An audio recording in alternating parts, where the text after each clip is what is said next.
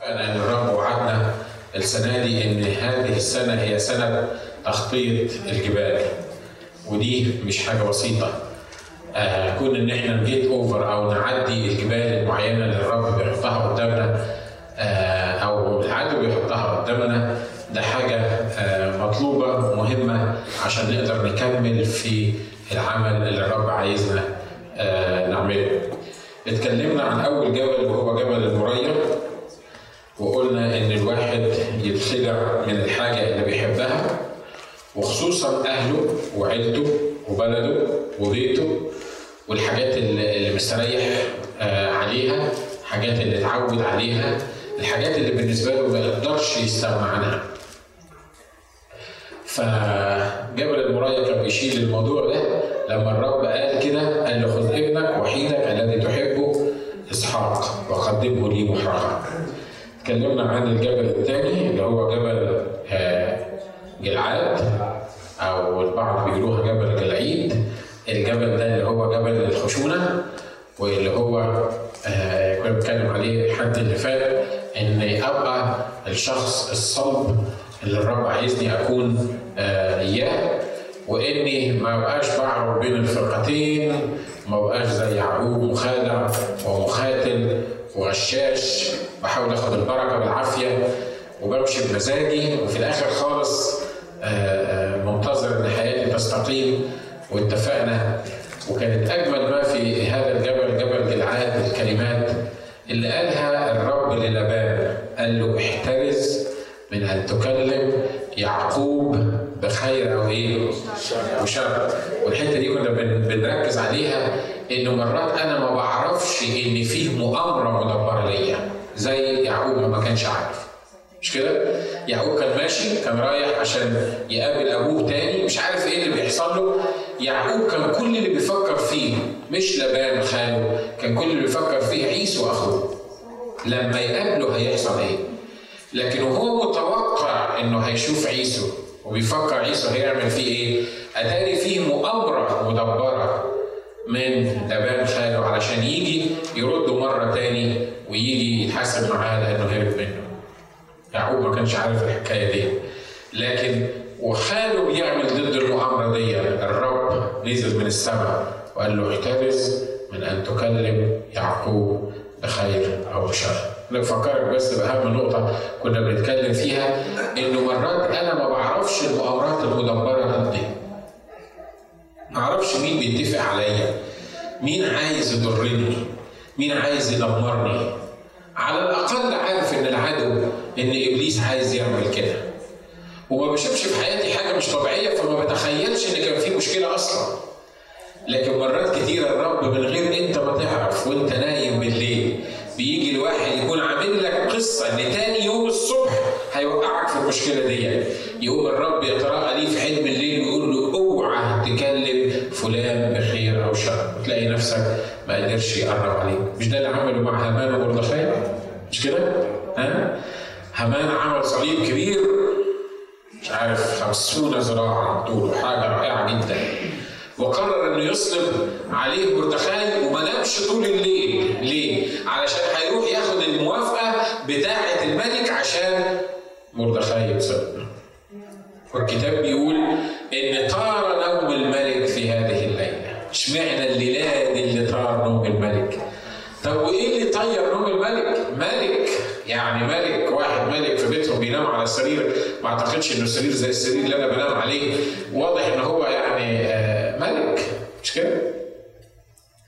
يقول طار نوم الملك ولم يؤت أمامه بسراريه والدنيا خربت. مالك؟ إيه اللي مسهرك؟ إيه اللي قلقك؟ أصل نفس اللي حصل مع يعقوب. حصل. جه الرب واتكلم مع الملك ده طير النوم من عينه خلاه يفتح الكتاب وخلاه يشوف مردخاي عمل إيه عشانه. وكلكم عارفين القصة إن انتهت إن هامان هو اللي اتصلب على الصليب لأن الله قال للملك أوعى احترز أن تكلم مردخاي بخير أو شر. آمين.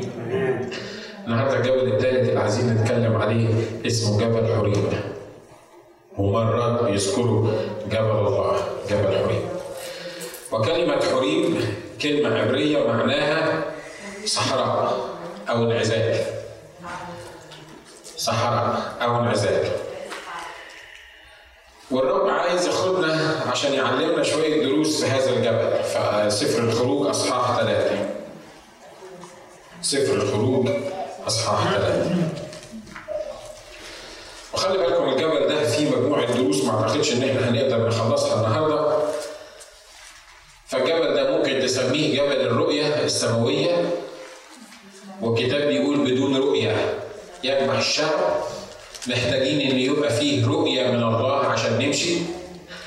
ممكن نسمي الجبل ده جبل الإنعزال والانفصال عن العالم. وهنفسر الحاجات دي آه، بالتفصيل وإحنا بنتكلم. ممكن نسمي الجبل ده جبل نهاية المحاولات البشرية. محاولتي أنا بإمكانياتي بقوتي إني أعمل حاجة. ممكن نسمي الجبل ده جبل التغلب على صغر النفس وال self-pity وال deficiency أو العجز اللي بيبقى موجود في النفس. حاجات كتيرة موجودة في الجبل ده. خلي بالكم قبل ما نقرأ مع بعض آه، سفر الخروج أصحاح ثلاثة إحنا بنسمع قصة موسى لما آه، آه، هرب من فرعون وراح عند يسرون حميه أو رعويل حميه لكن مرات كتيرة ما بنفكرش فيها. خلي بالكم إن موسى كان فيري بيزي قبل ما يسيب مصر كان مشغول جدا. ليه؟ لأنه كان موجود في بيت فرعون موجود في بيت فرعون. الكتاب بيقول تهذب بكل حكمة المصريين. واضح إن هو من ضمن حكمة المصريين كان جزء من السياسة جزء من بناء الدولة. فموسى ما كانش راجل فاضي يعني مش لاقي حاجة يعملها لكن واضح إن هو كان مشغول كتير في قصر فرعون. وكان المفروض إن هو يستمتع بكل خزائن مصر زي ما قال الكتاب. والبعض بيقولوا كان لازم هو اللي يبقى فرعون بتاع مصر بعد الفرعون الكبير. فواضح إن أول 40 سنة من حياة موسى كانت بالنسبة له مشغول مشغول جدا في الأمور بتاعت المملكة. واضح إن هو كان في جزء جواه إنه عايز يخلص شعبه وده في حد ذاته مشغولية كبيرة. كانت شغلة قلبه إن هو عايز يخلص شعبه من الحاجة اللي هم موجودين فيها. لما شاف المصري والعبراني بيتخانقوا مع بعض الشيء الطبيعي إن هو اتحرك من جواه وظن زي ما بيقول الكتاب إن الله على يده هيصنع خلاص لشعب إسرائيل والنتيجة إن هو قرر إنه يساعد ربنا في هذا الخلاص فضرب المصري ضربة نزله على الأرض ساكت حفر له وحطه في الأرض ودفنه وكأن يا دار زي ما بيقولوا ما دخلك شر محدش عارف إيه اللي حصل. وفوجئ إن فرعون عرف القصة فالكتاب بيقول إن هو حصل إيه؟ خاف وهرب موسى من فرعون. أنا زمان كنت فاكر إن ربنا ودى موسى الصحراء علشان يعلمه وعلشان يدرسه بس اكتشفت إن ربنا ما وداش موسى الصحراء مين اللي ودى موسى الصحراء هو. هو. مش كده؟ دماغه التفكير اللي مش سليم. هو الدوافع بتاعته حلوة؟ آه. الموتس بتاعته رائعه جدا. الدوافع دي مهمة جدا في إن هو عايز يخلص شعبه عايز يتحط بين إيدين الرب عايز يعمل اللي الرب عايزه. لكن الدوافع بس مش كفاية. التفكير والخطة بتاعت الرب هي المهمة. الدوافع حلوة بتاعته إن هو عايز يخلص الشعب لكن النتيجة كانت إنه بيخلص الشعب مش وفقا لخطة الرب اللي الرب عايزها لكن وفقا لدماغه هو للوقت اللي هو شايفه. خلي بالكم شعب إسرائيل ما كانش يقدر يطلع يوم واحد بدري عن الميعاد اللي المفروض يطلع فيه من مصر. مين اللي قال الكلام ده؟ من أيام إبراهيم. الرب قال له الكلمات دي واعطى له المدة اللي هذا الشعب هيقعد فيها في أرض مصر وقال له هذا الشعب يكون مستعبد لدولة غريبة لمدة كذا سنة وبعدين هذه الدولة أنا هعاقبها. فالرب كان محدد اليوم بالظبط اللي هيطلع فيه شعب إسرائيل من أرض مصر. مش بس السنة لكن اليوم لازم هذا الشعب يطلع في ليلة الفصح لأنه لازم يأكل الفصح وياخد بعضه ويطلع. يعني الشعب مش هيطلع بمزاجه.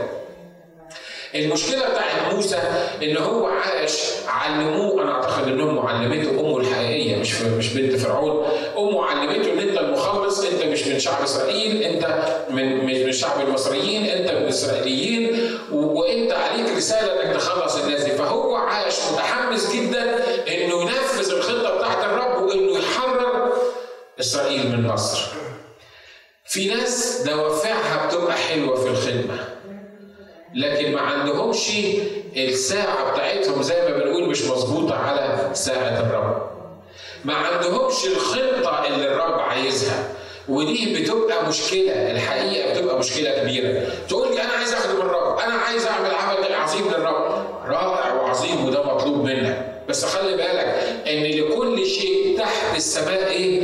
تحت السماء وقت ما ينفعش أعمل أنا حاجة مش في وقتها، ليه؟ لأن الله عنده خطة معينة عايز يمشيني فيها.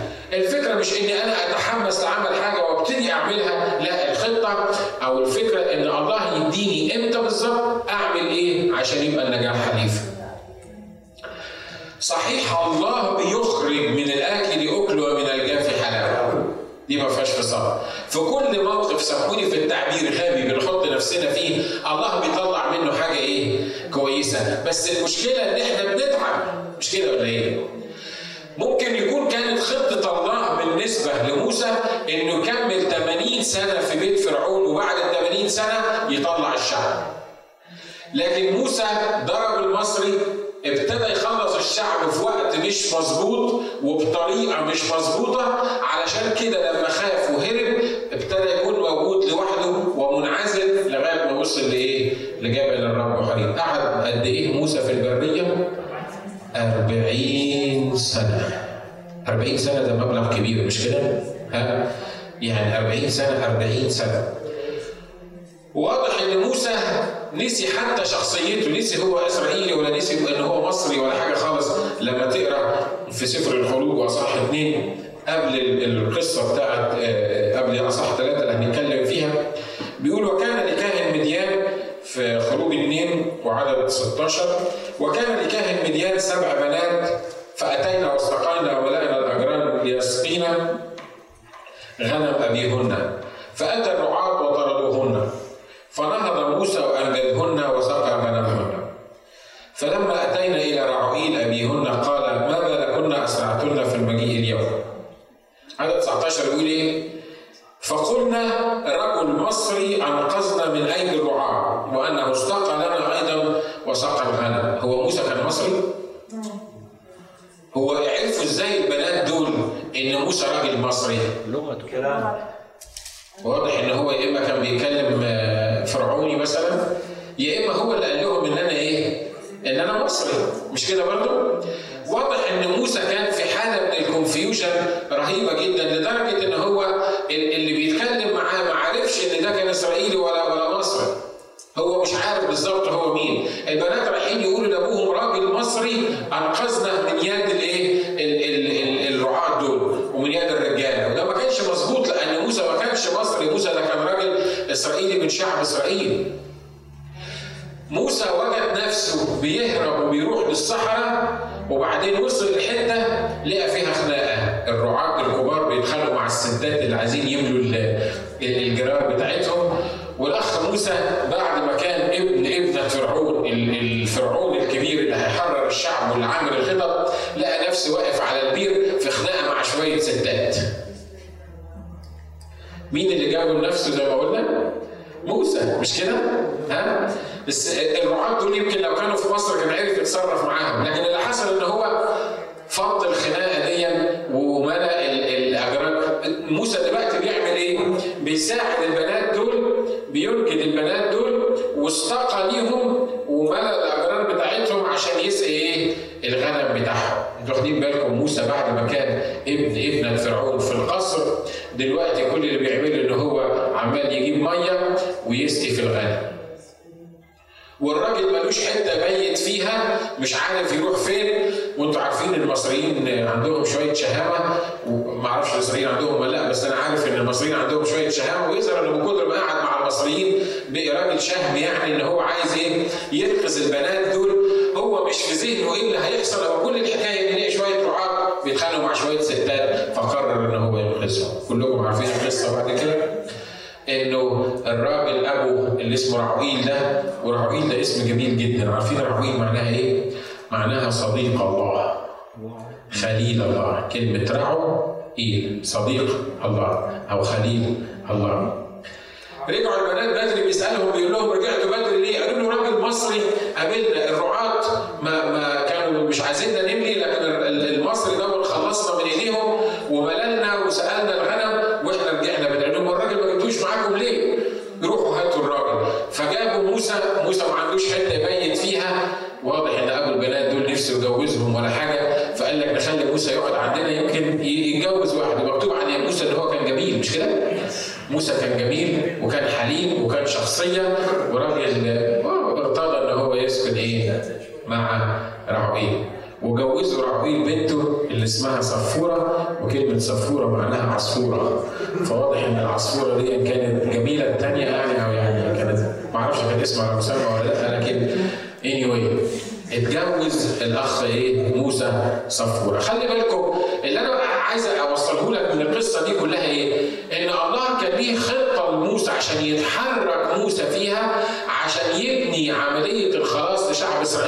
لكن بسبب تسرع موسى وبسبب إنه مش عارف الخطة من الرب مش عارف الوقت من الرب كانت النتيجة إن موسى حكم على نفسه إن يروح يعيش مع كاهن مديان مع رعويل مع صديق الله ويتجوز الأخت عصفورة وبعدين ربنا كرمه وجاب ولد عارفين سماه إيه؟ جرشوب جرشوب يعني إيه؟ يعني غريب أو نزيل أنا عايزك تفهم معايا العمق النفسي بتاع الراجل ده وهو ده اللي أنا هدف من الكلام دلوقتي. موسى إحنا كلنا بناخدها كده إنه ابى أن يدعى ابن ابن فرعون مفضلا أن يذل مع شعب الله وإن هو كان في شعب إسرائيل وجاز طردوه ومش عارف مشي وعاش مع كاهن مديان. لكن موسى في الوقت ده كان كل اللي مسيطر عليه إنه موجود في أرض غريبة إنه نزيل وهو طبعا ما قدرش يغير اسمه عن موسى. لما لما اتجوز المفروض إنه يفرح والمفروض ان ده يبقى شيء يعني سبب سعادة ليه؟ لكن لما خلف أول واد سماه جرشوم قال لي أنا أنا غريب. أنا غريب في أرض غريبة. مين اللي حطك غريب في أرض غريبة؟ موسى. أنت. لأنك أنت ما عرفتش خطة الرب ليك. عايز أقول لك ياما ناس غرب في بيوتهم جوه بيوتهم وهم في غربة. ياما ناس غريب وهو مع مراته جسد واحد لكن بيحس إن هو غريب عن مراته ومراته غريبة عنه.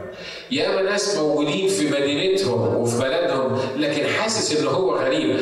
أصل الغربة اللي إحنا بنتكلم عنها مش غربة مكانية لكن غربة روحية. أنت ممكن تحس إنك أنت متغرب لأنك لست في مشيئة وفي خطه الله اللي عاملها ليك فانت دايما تحس انك انت غريب دايما تحس بقلق دايما تحس انك في حاجة مش متظبطه صح اللي أنا بقوله ده؟ ها؟ لما تبعد عن خطة الرب لما ما تكتشفش خطة الرب لما تجيبه لنفسك وتلاقي نفسك منعزل يبقى أنت هي دي الغربة الحقيقية. في ترنيمة من ترانيم الاكتئاب بيقول لك مين يحل الغربة غيرك ويخليها جنة؟ بتاعت واحد غالبا ساب بيتهم وراح في بلد تاني وقعد يندم على حظه وحالته ال ال لكن اللي يحل الغربة الحقيقية وما يعملهاش صحراء ويخليها جنة هو الشخص اللي يكون في خطة الرب ويكون فاهم من الرب الأزمنة والأوقات والرب عايز يعمل إيه. ودي نقطة مهمة جدا يا جماعة ودي الرب عايز يديها في أول السنة عشان نعرف. تقول لي أنا ساكن في وسط شعبي أنا وسط ساكن إحنا عندنا أكبر جالية كلدانية موجودة. ما هي دي بلدنا دلوقتي بقي أمريكا دي الكهون أنا ما بتكلمش على السيت اللي أنت موجود فيها لكن أنا بتكلم هل أنت حاسس إنك غريب من جواك؟ هل حاسس إن في حاجة مش مظبوطة؟ هل حاسس إنك مش في مكانك؟ لما ما تكونش في خطة الرب وفي إرادة الرب وفي مشيئة الرب وفي إعلان الرب ليك عن الخطة بتاعته صدقني لو كنت حتى على السرير بتاعكم فأنت غريب ومتغرب لوحدك ولازم تحس بالغربة. عشان كده إحنا محتاجين نرجع للرب ونعرف المكان اللي إحنا موجودين فيه. كان موسى حتى لما بعد ما دربه كل حكمة المصريين خلاها ساب حكمة المصريين على جنب وبرضه ربنا خلاه يعمل إيه؟ يرعى غنم. طب متهيألي رعايه الغنم مش محتاجة لا حكمة مصريين ولا حكمة بابليين، ليه؟ لأن الحكمة أهو ده شوية غنم عمال يسوق فيهم ويوديهم ياكلوا ويرجعهم. عم بليفر إيه مش كده؟ ها؟ مرات ما المشغولية بتاعتي والحاجة اللي أنا بعملها الكبيرة دي يقول لي ناجي ما تنساش إنك أنت راعي. يا رب أنا مشغول التلفزيون والراديو والكتب والإنترنت والشغل وحاجات من كده وبعدين الرب يقول لك شوف لو ما كنتش تعرف إنك راعي هروح جايبك أخليك تشتغل مع شوية غنم. مش عايز أقول لك مين هم الغنم لأن إحنا كلنا في نفس القطيع. لكن الرب دايما يقول لي كده يقول لي خلي بالك ما تنساش إنك أنت إيه؟ إنك أنت راعي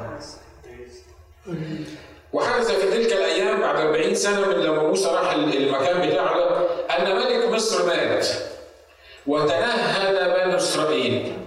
من العبودية. وصرخوا. خلي بالكم من من العقد ده اللي بيقول إيه؟ ملك مصر حصل له إيه؟ مات. فتنهد بنو إسرائيل من العبودية وصرخوا. طب هم ما كانوش بيصرخوا ليه لما كان ملك مصر لسه عايش؟ ما كانش عندهم وقت يصرخوا. ما كانش عندهم إمكانية للصراخ ملك مصر كان كاتب نفسهم لدرجة إن هم ما عندهمش وقت يصرخوا للرب. مش الشيء الطبيعي يا جماعة إن كل ما الواحد كان متضايق وكان مضغوط يصرخ لما الأمور يعني تكون أحسن معاه شوية يتنفس من من من الصراخ دون ويهدي الصراخ بتاعه شوية. أنتوا معايا؟ لكن خلي بالكم إن الكتاب ما بيقولش كده. الكتاب بيقول إن العبودية كانت قاسية جدا في مصر لدرجة إن هم ما كانش عندهم وقت ما كانش عندهم إمكانية ما كانوش بيفكروا في الصراخ. إمتى فكروا يصرخوا؟ لما ملك مصر مات ولما الأمور ابتدت تمشي معاهم كويس. دايما إبليس بيعمل معانا الحكاية دي. يقعد يضغط عليك يضغط عليك يطلعك من مشكلة يدخلك في مشكلة يطلعك من قضية يدخلك في قضية يطلعك من احتياج يدخلك في احتياج يفضل يعمل فيك كده. مش عايز يديلك وقت إنك تصرخ مش عايز يديلك وقت إنك تتكلم مع الرب مش عايز يديلك وقت إنك أنت تتنهد إنك انت تعمل حاجة ليه؟ لأنه عارف انه لو ريحك شوية ممكن تفوق ممكن ترجع للرب وصرخوا فصعد صراخهم إلى الله من أجل العبوديه فسمع الله انينهم فتذكر الله ميثاقه مع إبراهيم واسحاق ويعقوب ونظر الله بني اسرائيل وعلم الله طب هو الله ما كانش فاكر يعني محتاج ان هم يصرخوا علشان يخلصهم آه هو محتاج هو كان فاكر بس محتاج إن هم يصرخوا علشان إيه؟ يخلصهم طب ليه؟ يحتاج إن هم يصرخوا ليه؟ لأن هم في وسط العبودية بتاعتهم نسيوا إن ليهم إله ممكن يصرخوا له. صح اللي أنا بقوله ده مش كده المفروض ان لما اتضغطوا وتعبوا جدا كانوا يصرخوا لكن هم حتى الاله ده ما كانش في ذهنهم علشان يصرخوا له لما ابتدوا يتنهدوا شوية لما ابتدوا يستريحوا شوية ابتدوا يصرخوا لله. والله لما بيطلع من حسابات الإنسان بيبقى لازم يكون موجود في حسابات الإنسان ولازم الإنسان يتكلم مع الله. الله مش هيبص لك ويقول آه ناجي ده تعب قوي دلوقتي وأنا عايز أريحه من التعب اللي هو فيه.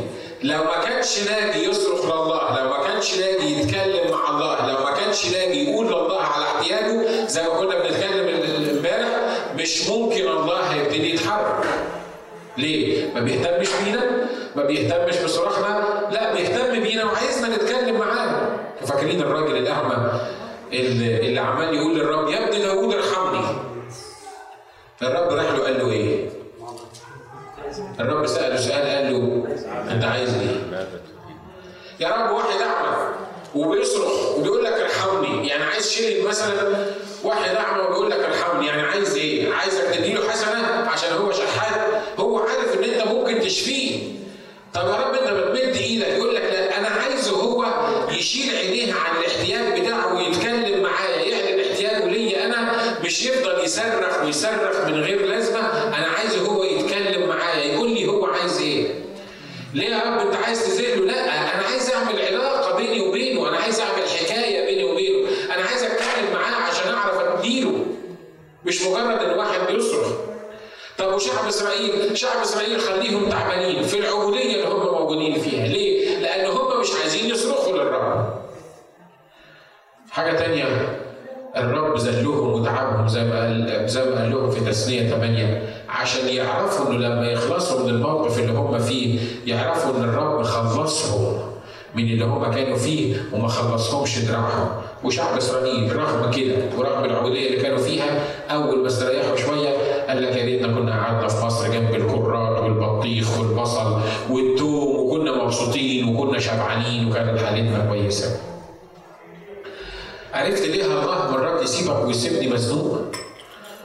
ها؟ عرفت ليه الله مرات مرات يحطك في موقف محرق؟ عارف ليه؟ عشان تصرخ اليه وعشان تعرف إن هو موجود عشان تبتدي تتعامل معاه. وأما موسى فكان يرعى غنم يسرون حميه كاهن مديان فساق الغنم إلى وراء البريه وجاء إلى جبل الله حريب. واضح إن موسى كان بيرعى الغنم وفي اليوم دون ما هو وراهوش حاجة بقى ورعايه الغنم دي على فكرة يا جماعة بتعلم الصبر.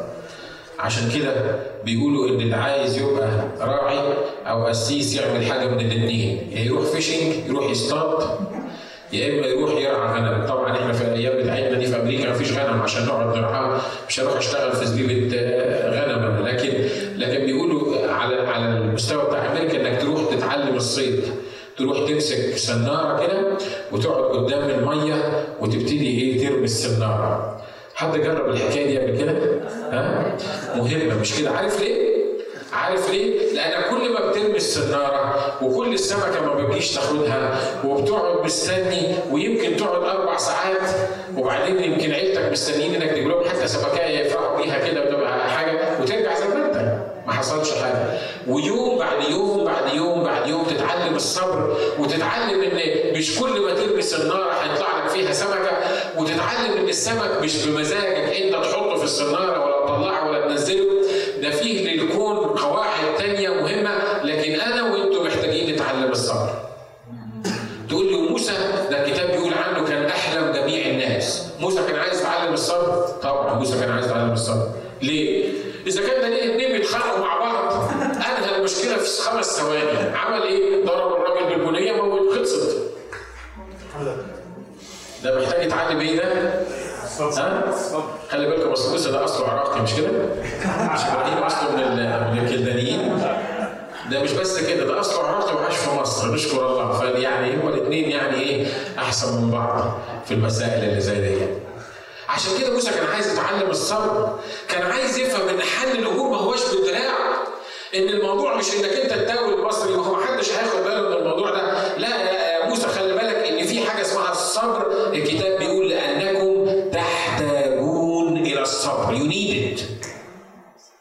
ولو مش مصدقني خلي ربنا يتعامل معاك وهيعلمك الصبر. في ناس كتيرة بتعلم الصبر قدامي مش كده؟ ها؟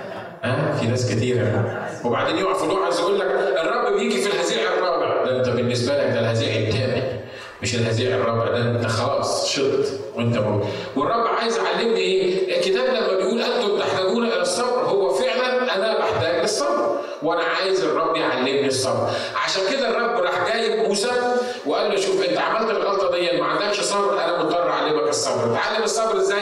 تقعد ترعى شوية الغنم دول في الصحراء حاجة مملة يا جماعة، حاجة مملة جدا مش كده؟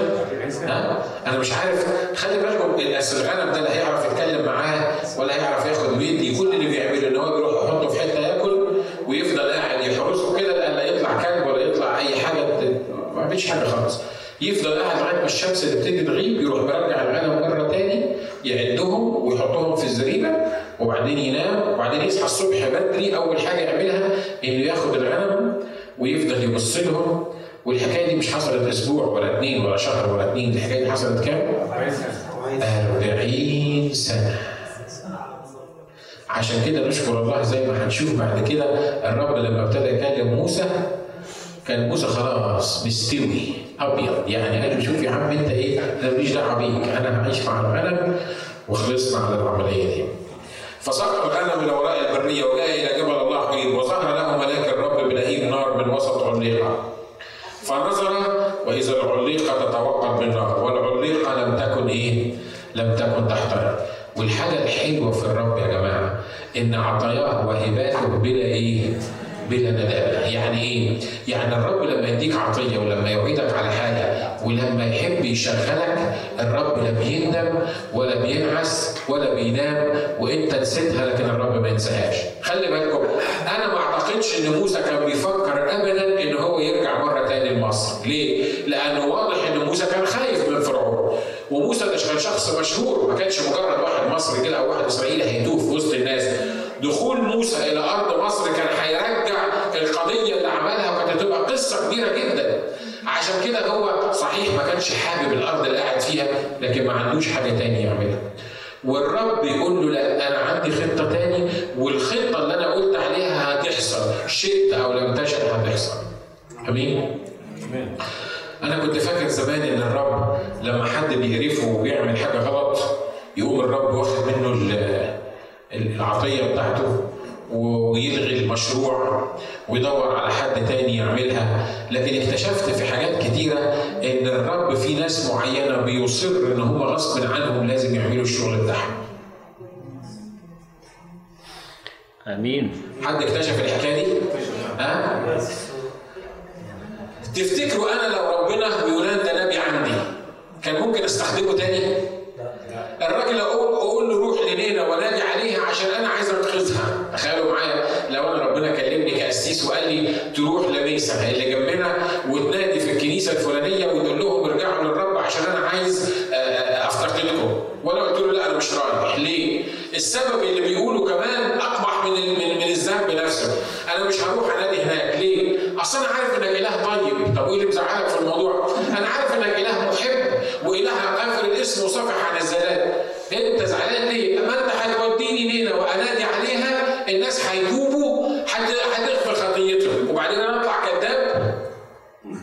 أنتوا واخدين بالكم النبي بيفكر إزاي؟ ها؟ يعني لو هو قال للرب انت هتهلك المدينة وأنا مش عايز ابقى سبب في اهلاك المدينة كان نقول معلش الراجل مش عايز يبقى وشه مش كويس على المدينة. لكن ده الرب هو عارف ان الرب هيغفر خطية نينوى يقول له أنا ما اروحش هناك ليه؟ اصل أنا عارف انك اله غفور، عارف انك هتغفر خطيته. هو انت أصلا نبي عشان عايز تموت الناس؟ انت انت انت شغلتك أصلا انك انت عايز تستخدمك متهيألي لو الرب قال له كده قال له يونان أنا عايزك تروح لنينوى وترفع إيديك لفوق وتقول يا رب نزل نار تاكلهم كان عمل كده. مش كده؟ لأن هو عايز كده. هو عايز كده. لكن لما عرف إن الرب هيغفر خطيتهم قال له لا أنا ما أطلعش كذاب أنا ما أروحش لنينوى أنا ما أروحش هناك لأن أنا عارفك هتغفر خطيتهم. والكتاب بيقول وقام ذهب إيه؟ لترشيش. ربنا بعت له الحوت الكبير بلعه وقعد ثلاث أيام أنا لو من ربنا مش كنت خليت الحوت بلعه ده أنا كنت خليت الحوت فرعه ما بيسمعش كلامي. بيعمل حاجة غلط أنا ما بقولش عليها مش كده؟ وبعدين يعيدوا ثلاث أيام وبعد ما صلى وقذفوا ال- ال- الحوت. أنا لو من ربنا كنت قلت له كده شوف يا يونان أنا عملت معاك الحكاية دي عشان أفهمك إن أنا كان ممكن خليت الحوت قضى عليك. لكن أنا سبتك لكن عايز أقول لك أنت ما تنفعش معايا تاني. ينفعش نتعامل مع بعض. انت ما ينفعش تبقى نبي ليا تاني. انت تاخد بعضك تعمل اللي انت عايزه. عمل كده؟ الكتاب بيقول أول ما بقى ما, ما, الحوت نزله من بقه راح قال له إيه؟ يونان ارجع ل square 1 and you have to go again. ولازم تروح نينوى. يا رب ده انت wow! انت ليه بتعمل كده مع يونان؟ لأن يونان ليه خطه عندي لأنه حتى لو تصرف بغباء أنا لا اندم على عطاياي وهباتي للبشر. آمين؟ بس عايز أقول لك هتضيع وقتك في النص. عشان كده أنا بكلم المؤمنين اللي قدامي فوق. أنا ما بكلمش حد معين لكن بكلم كل واحد موجود قدامي. عايز أقول لك فوق. فوق يا ابن الناس ما تضيعش وقتك وقتنا لأن لو الرب عايزك تعمل حاجة هتعملها غصب عن عينك. هلو آمين؟ ها؟ don't give him hard time. Be nice. خليك ظريف. خليك ظريف. ليه؟ لأن الرب من احسان تفتكر الرب ما عندوش خدام كتير؟ غيري وغيرك؟ ما ممكن يطنشك ويبوسك ويحطك جنب الحيط. so easy الموضوع ده. لكن الرب عايز يقول لك لأ أنا عطاياي وهباتي هي بلا إيه؟ بلا ندامة. يونان مش عايز يروح هبهدله. هخلي الحوت ياكله. حد قادر يتخيل ثلاث أيام في بطن الحوت؟ أنا بصراحة مهما قعدت تخيلت وكان خيالي خصيب ما أقدرش أبقى أعرف يعني إيه يتحط ثلاث أيام في بطن الحوت. ده أنا امبارح كنت في الأولد تاون ودخلت حتة من الصغيرة كده بتوع ال- المحكمة دي قلت اي أي كان تيك يعني ريحتها رهيبة لأنها ما اتفتحتش شوية. لكن واخد بالك إن يونان كان في بطن الحوت مع اللي داخل واللي طالع والسمك وال وال وال والقصة دي كلها والحوت عمل طبعا الحوت ما كانش قاعد على عشان ما يهزش يونان لكن واضح إن الحوت ده ربنا عمل حطه في الخلاط تمام. على الدقيقه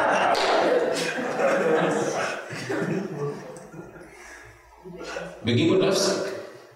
بجيبه لنفسك. مش كده؟ بجيبه لنفسي أنا بغبائي. لما أبقى مش عارف مش عارف خطة الرب الحادي لما مش عارف الرب عايز يعمل إيه أتحط أنا في بطن الحوت ده وأفضل ألف كده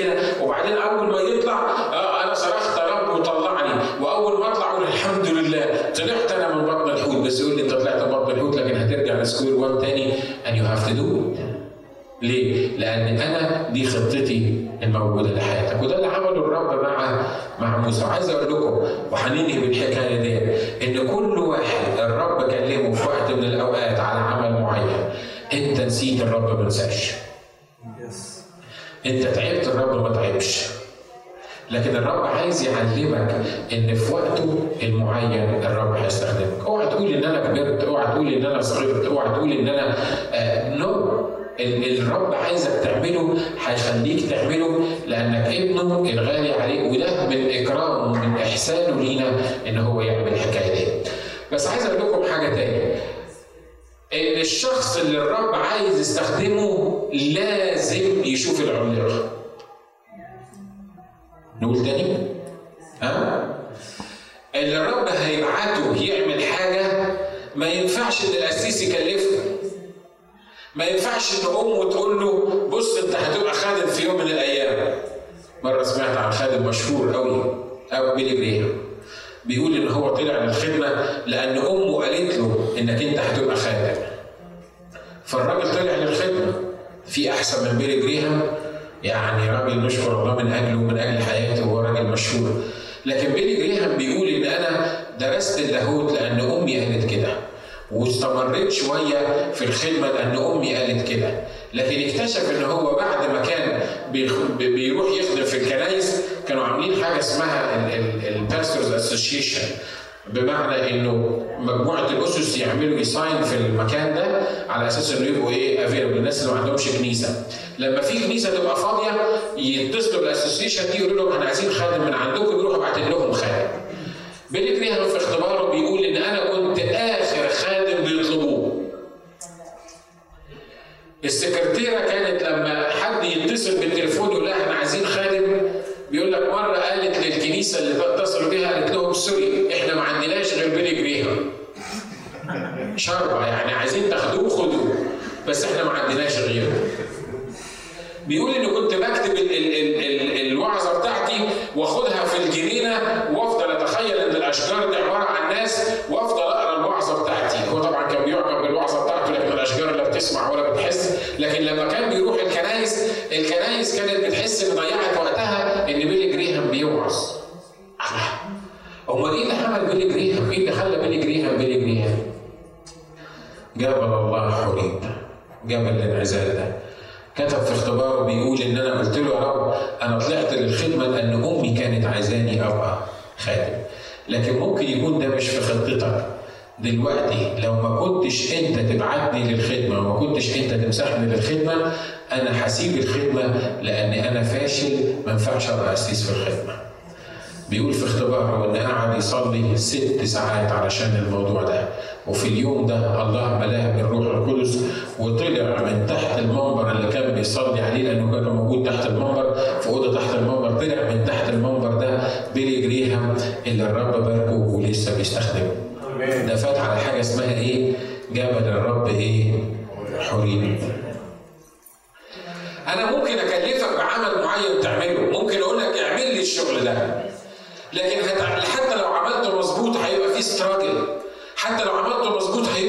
مش مش هيبقى مريح مش هتقدر تعمله بالطريقة اللي الرب عايزك تعمله. عارف إمتى الرب إمتى العمل يبقى ممسوح وإمتى الرب يكون بيستخدمك فعلا وبيعمل فيك؟ لما الله القسيس يكلفك. آمين تقول لي أنا مش عارف اعمل إيه ما ما ما تديني حاجة اعملها آه ممكن اخليك ت... اي حاجة تعمل اي حاجة مش هو ده مش هو ده اللي أنا بتكلم عليه لكن أنا بتكلم عن ان الله يتقابل معاك في وقت من الاوقات ويقول لك بص هنا انت هتبتدي تعيش ليا أنا عايزك تعمل حاجة معينه النهارده أنا قابلت الرب أكتر من مره في حياتي شفته مرة بعيني لكن قابلته أكتر من مرة في حياتي. أول مرة كنت في, راكب عربية بيجو والعربيات البيجو في مصر بتمشي بسرعة جدا زي المجانين. آه مش كل السواقين طبعا لكن في سواقين كانوا بيشتغلوا على البيجو كانوا ناس كويسين قوي آه ولا داعي لذكرهم في الاجتماع. بس أنا كنت راكب العربية البيجو ديت واتقلبت بيا العربية ثلاث مرات. ونزلت متجرح في إيديا وفي رجليا وأنا في الصحراء وكانت في الصحراء. أول حاجة قالها لي الرب. قال لي أنت مكانك من هنا ورايح جوه العربية البيجو دي البيجو دي المفروض إنها كانت تنهي عليك تقضي عليك. أنتوا واخدين بالكم أنا بقول لكم العربية اللي أنا كنت نازل فيها. اتقلبت في الطريق اللي زي ده كده وبعدين اتقلبت في الرملة اللي بين الطريقين وبعدين اتقلبت على الطريق الثاني 3 تايمز تلف العربية بالمنظر ده لغاية ما وقفت على بعد مثلا 50 60 متر. وأول ما طلعت من العربية الرب قال لي خلي بالك أنت مكانك من هنا ورايح جوه العربية الايه؟ جوه العربية البيجو. مرة تاني وأنا واقف قدام الكنيسة بتاعتنا اللي موجودة هناك والرب كده كان لسه السادات لسه يعني حاطط الناس القاده كلهم بتوع مصر في السجن. وأنا واقف قدام الكنيسة بتاعتنا بصيت لقيت الرب بصوت مسموع في وداني بيقول لي اتحاد الشباب المسيحي تعمل مجموعة تسميها اتحاد الشباب المسيحي. أنا كنت لسه ما دخلتش الجيش كنت لسه في الكلية في آخر سنة في الكلية ولما الرب قال لي الكلام ده قلت له ده أنا لو قلت قدام الناس إن أنا هعمل اتحاد الشباب المسيحي هيحطوني في السجن ليه؟ لأن اتحاد الشباب المسيحي زي زي الجماعات الإسلامية، مفيش حاجة في مصر اسمها جماعة إسلامية، مفيش حاجة register اسمها الجماعه الاسلاميه، كلهم بيشتغلوا illegal. فأنا قلت له يا رب أنا لو عملت الحكاية دي وبعدين خلي بالكم الاسم اللي الرب مختاره لي هو إيه؟ اتحاد الشباب المسيحي مش كده؟ تخيل معايا لو رحت العراق كده قلت لهم أنا هعمل ربنا قال لي إن أنا أعمل حاجة اسمها اتحاد الشباب المسيحي العراقي. ينفع الكلام ده؟ حطك في المفرمة صدقني مش مهم. قلت له يا رب مستحيل أقدر أعمل الحكاية دي. قال لي هتعمل الحكاية دي. قلت له يا رب أنا مش عارف أعمل إيه؟ مش عارف أبتدي إزاي؟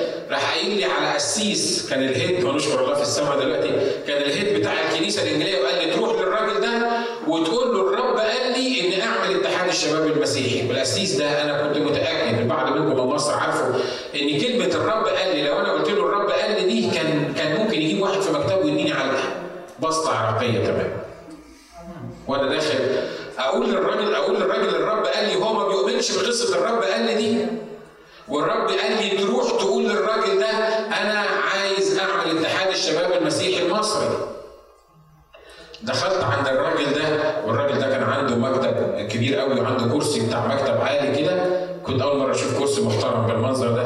في حياتي وهو قاعد كده مالي الكرسي وعمال يتهز كده يمين وشمال. وأنا وأنا أنا رايح أقول له الرب قال لي.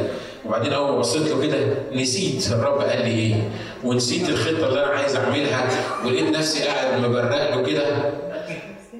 وبعدين قلت له اسمع يا حضرة القسيس قال لي آه. قلت له أنا أنا الحقيقة كل اللي في دماغي طبعا بس أنا عايز أقول لك حاجة واحدة بس. الرب قال لي إني أعمل في مصر حاجة اسمها اتحاد الشباب المسيحي المصري. وبصيت في عينيه كده وسكت شوية عشان أشوف التأثير بتاعه. تعرف رد عليا قال إيه؟ قال لي تعرف إن أنا كنت بصلي عشان الموضوع ده من شهرين. وأنا اعتقد ان دي اجابة الرب. روح اعمل اللي انت عايزه في مصر وقول انك انت تبعي تبع رئاسه الطائفه الانجيليه تمام ده اسمها إيه دي؟ ها؟ اسمه جبل الرب حريب. لما تقابل جبل الرب جبل الرب حريب. خلي بالكم يا جماعة حلو الموتيفز بتاعتنا. حلو إن أنا أكون عايز أخدم الرب. وعلى فكرة لكل واحد فيكم خطة من الرب وعمل من الرب. لكن الفكرة الموتيف مش بس كفاية. الفكرة هي إنك تقابل الرب في وقت معين يقول لك ناجي أنا عايزك تعمل كذا. أنا عايز أبعتك لشعب اللي موجود في الكهول. أنا عايز أبعتك لشعب اللي موجود في الحتة الفلانية. أنا عايزك تعمل كذا. لو ما قابلتش الرب لازم تطلب إنك تقابله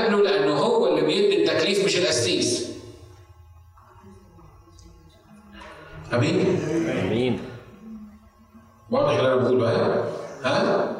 واضح اللي أنا بقوله. تقول لي طب يمكن ملوش خطه عندي يمكن أنا ما عنديش خطه ليه؟ يمكن هو ما يعني ما, ما ما- مش هيقول لي لا. الرب عنده خطه لكل واحد فينا. لكن الفكرة إن إحنا مش عايزين نعمل زي موسى يبقى جوانا الدوافع المظبوطه ونعمل اللي إحنا عايزينه. لا إحنا عايزين نكون في الخطه بتاعت الرب ونذهب إلى جبل الرب حريم ولما الرب عايز يكلم موسى كلمه في إيه علقه شجيره صغيره كده موجودة والنار شغالة فيها النار مولعة فيها.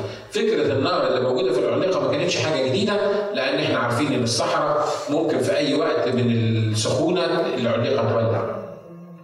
لكن الفكرة الجديدة كانت إيه؟ إن العليقة مولعة لكن العليقة ما بيحصلهاش؟ بتحرق بتتحرق. عمرك شفت شجرة مطلعة نار كده؟ وأنا أؤكد لكم إن مش مجرد ما موسى بص للعليقة قال لما أشوف الحكاية دي.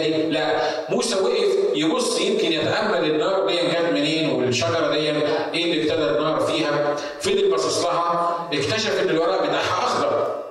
واكتشف إن الاغصان بتاعتها خضراء واكتشف إن النار مفيش الطقطقة اللي هي بتعملها دي ده ده عبارة عن زي عين كده بتاع البوتاجاز لما بتطلع النار. وواضح إن الشجرة مش متأثرة ابدا بأي حاجة بس هي النار شغالة فيها. وده بنسميه اختبار النار. وهختم لك بالحتة دي. عارف إمتى الرب يستخدمك وتبقى very effective في الحياة الروحية؟ لما النار تولع فيك. ألو ها؟ ها؟ انت محتاج لإيه؟ محتاج لنار تولع فيك. الكلام اللي ده كلام كتابي؟ نعم. ها؟ أرميا بيقول إن الرب اعطاه نبوات. كل ما يقول نبوة يقول له تعالى يا بتاع النبوات انت يروحوا مرة رامينه في بير ومرة يعملوا فيه مش عارف مين. فقال بص بقى يا رب أنا مستغني عن الشغلانة بتاعتك دي لا نبي ولا غيره أنا مش ناوي أتعامل مع الحكاية دي فقرر إن هو يسكت ما يتكلمش بكلمة الرب. عارفين يقول الكتاب إيه؟ فكانت كلمة الرب داخلي عبارة عن إيه؟ كنار اكله كان مولع من جواه. هو ما كانش بيتحرق بس كان مولع من جواه. والرب عايز ياخد ناس فاكرين إن الأمور معاهم انتهت إنه يا دوبك بيسوقوا الغنم عايز يولع فيهم نار روحية يقدروا ساعتها يبانوا للعالم إن هم فيهم نار جواهم عشان كده هو لما شاف النار دي فبص كده مال لينظر وقال أميل لأنظر هذا المنظر العجيب العظيم إزاي العليقة دي مولعة بالنار وهي إيه؟ لا تحترق عايز تبقى مؤثر في النفوس؟ ها؟ أول ما تولع بالنار هتبقى مؤثر في النفوس عارف ليه أنا وأنتم ما بنربحش نفوس مرات كتيرة؟ عشان ما فيناش نار عشان الناس بارده اما تقعد مع واحد بارد مش لازم بارد بالمفهوم الوحش اللي أنت ممكن تفكر فيه. اما تقعد مع واحد بارد عارف؟ في ناس باردة مش كده؟ في ناس بس تلاقيهم عاملين كده؟ تكلمهم بحاجة حلوة هو نفس الابتسامة. حاجة وحشة هو نفس الابتسامة. هو ظابط بقه على على على مساحة معينة وشفايفه بطريقه معينة وبنسميه mask face أو face mask whatever تبص له كده هو بارد هو الدنيا تخرب من حواليه وهو قاعد متنحى كده باصص لك بالمنظر وبعدين لما يكلمك عن المسيح كمان يكلمك بطريقة تقول يا ريت يخلص عشان ده الحقيقة مش في ناس بتعمل كده. في ناس في صدقوني في ناس كده في ناس لما تقدم المسيح لحد يمكن اللي انت بتكلمه يقول لك لو كان المسيح دور جاي من وشك انت أنا مش عايزه. أنا مستغني عن المسيح اللي جاي من وشك انت ده في ولا مفيش؟ ها؟ في مش كده؟ لكن الإكسايتد ده الشخص اللي مولع بالنار لما يقعد مع شخص هو مش محتاج يتكلم عن المسيح كتير، الشخص اللي قدامه حاسس إن الراجل ده أو الست دي فيها حاجة مش طبيعية، فيها حاجة كده ما تقدرش ال- النار طالعة منها، عشان كده اللي حواليك يروحوا باصين لك كده يقول لك إحنا عايزين نشوف سبب النار اللي مولعه في سهير دي، سبب النار اللي مولعه في دي، سبب النار اللي مولعه في خالد ده، إيه إيه إيه القصة الجديدة معاهم؟ عارف إيه؟ إن إله المجد اللي مكتوب عنه إله المجد بتاع حريم هو اللي موجود في الحياة وبيشع النار من داخلك تلاقي الناس جايين يسألوك زي ما قال الكتاب عن سبب الرجاء الذي إيه؟ الذي فيك تبقى مش محتاج تقنعهم كتير وتتكلم كتير ليه؟ لأن النار دي بمجرد هو ما بيخش في المحيط النار بيتلسع ألو أنتوا معايا؟ ها؟ ها؟ عشان كده بنلاقي ناس يقولوا كلمات قليلة جدا. بيتصرفوا حادثة بالمنطق بيتصرفوا بعبط وبيتصرفوا بهبل. لكن بمجرد ما الواحد يقعد جنبيهم نار طالعة من جواه. في حاجة في, حاجة مختلفة عن كل الناس اللي موجودين التانيين. تلاقي ناس ابتدت تتكسف ليه وابتدوا يسألوه واقل كلمات يقولها يأثر فيهم. وفي واحد يقعد تبص تلاقي التلج أحاط باللي قاعدين كلهم وحتى لو بيفكروا في الأمور الروحية مش هيفكروا فيها. أنا هختم بالكلام ده عايز أقول لك إن الله عنده نار مخصوصة ليك عايز يولع فيك عشان تعرف تولع في الآخرة. آمين آمين؟ عايز أقول لك إن الفحمة البارده ما تولعش مش كده؟ ها؟ وأنت بتعمل باربيكيو عشان تخلي الفحم يولع لازم تجيب فحمة إيه؟ لازم تجيب فحم مولعة مش كده؟ تجيب فحمه مولعة تروح دافسها في وسط الفحم تلقائيا تلاقي الفحم إيه؟ ولع، لكن الفحم البارد دون اللي فيه المية لما تحطه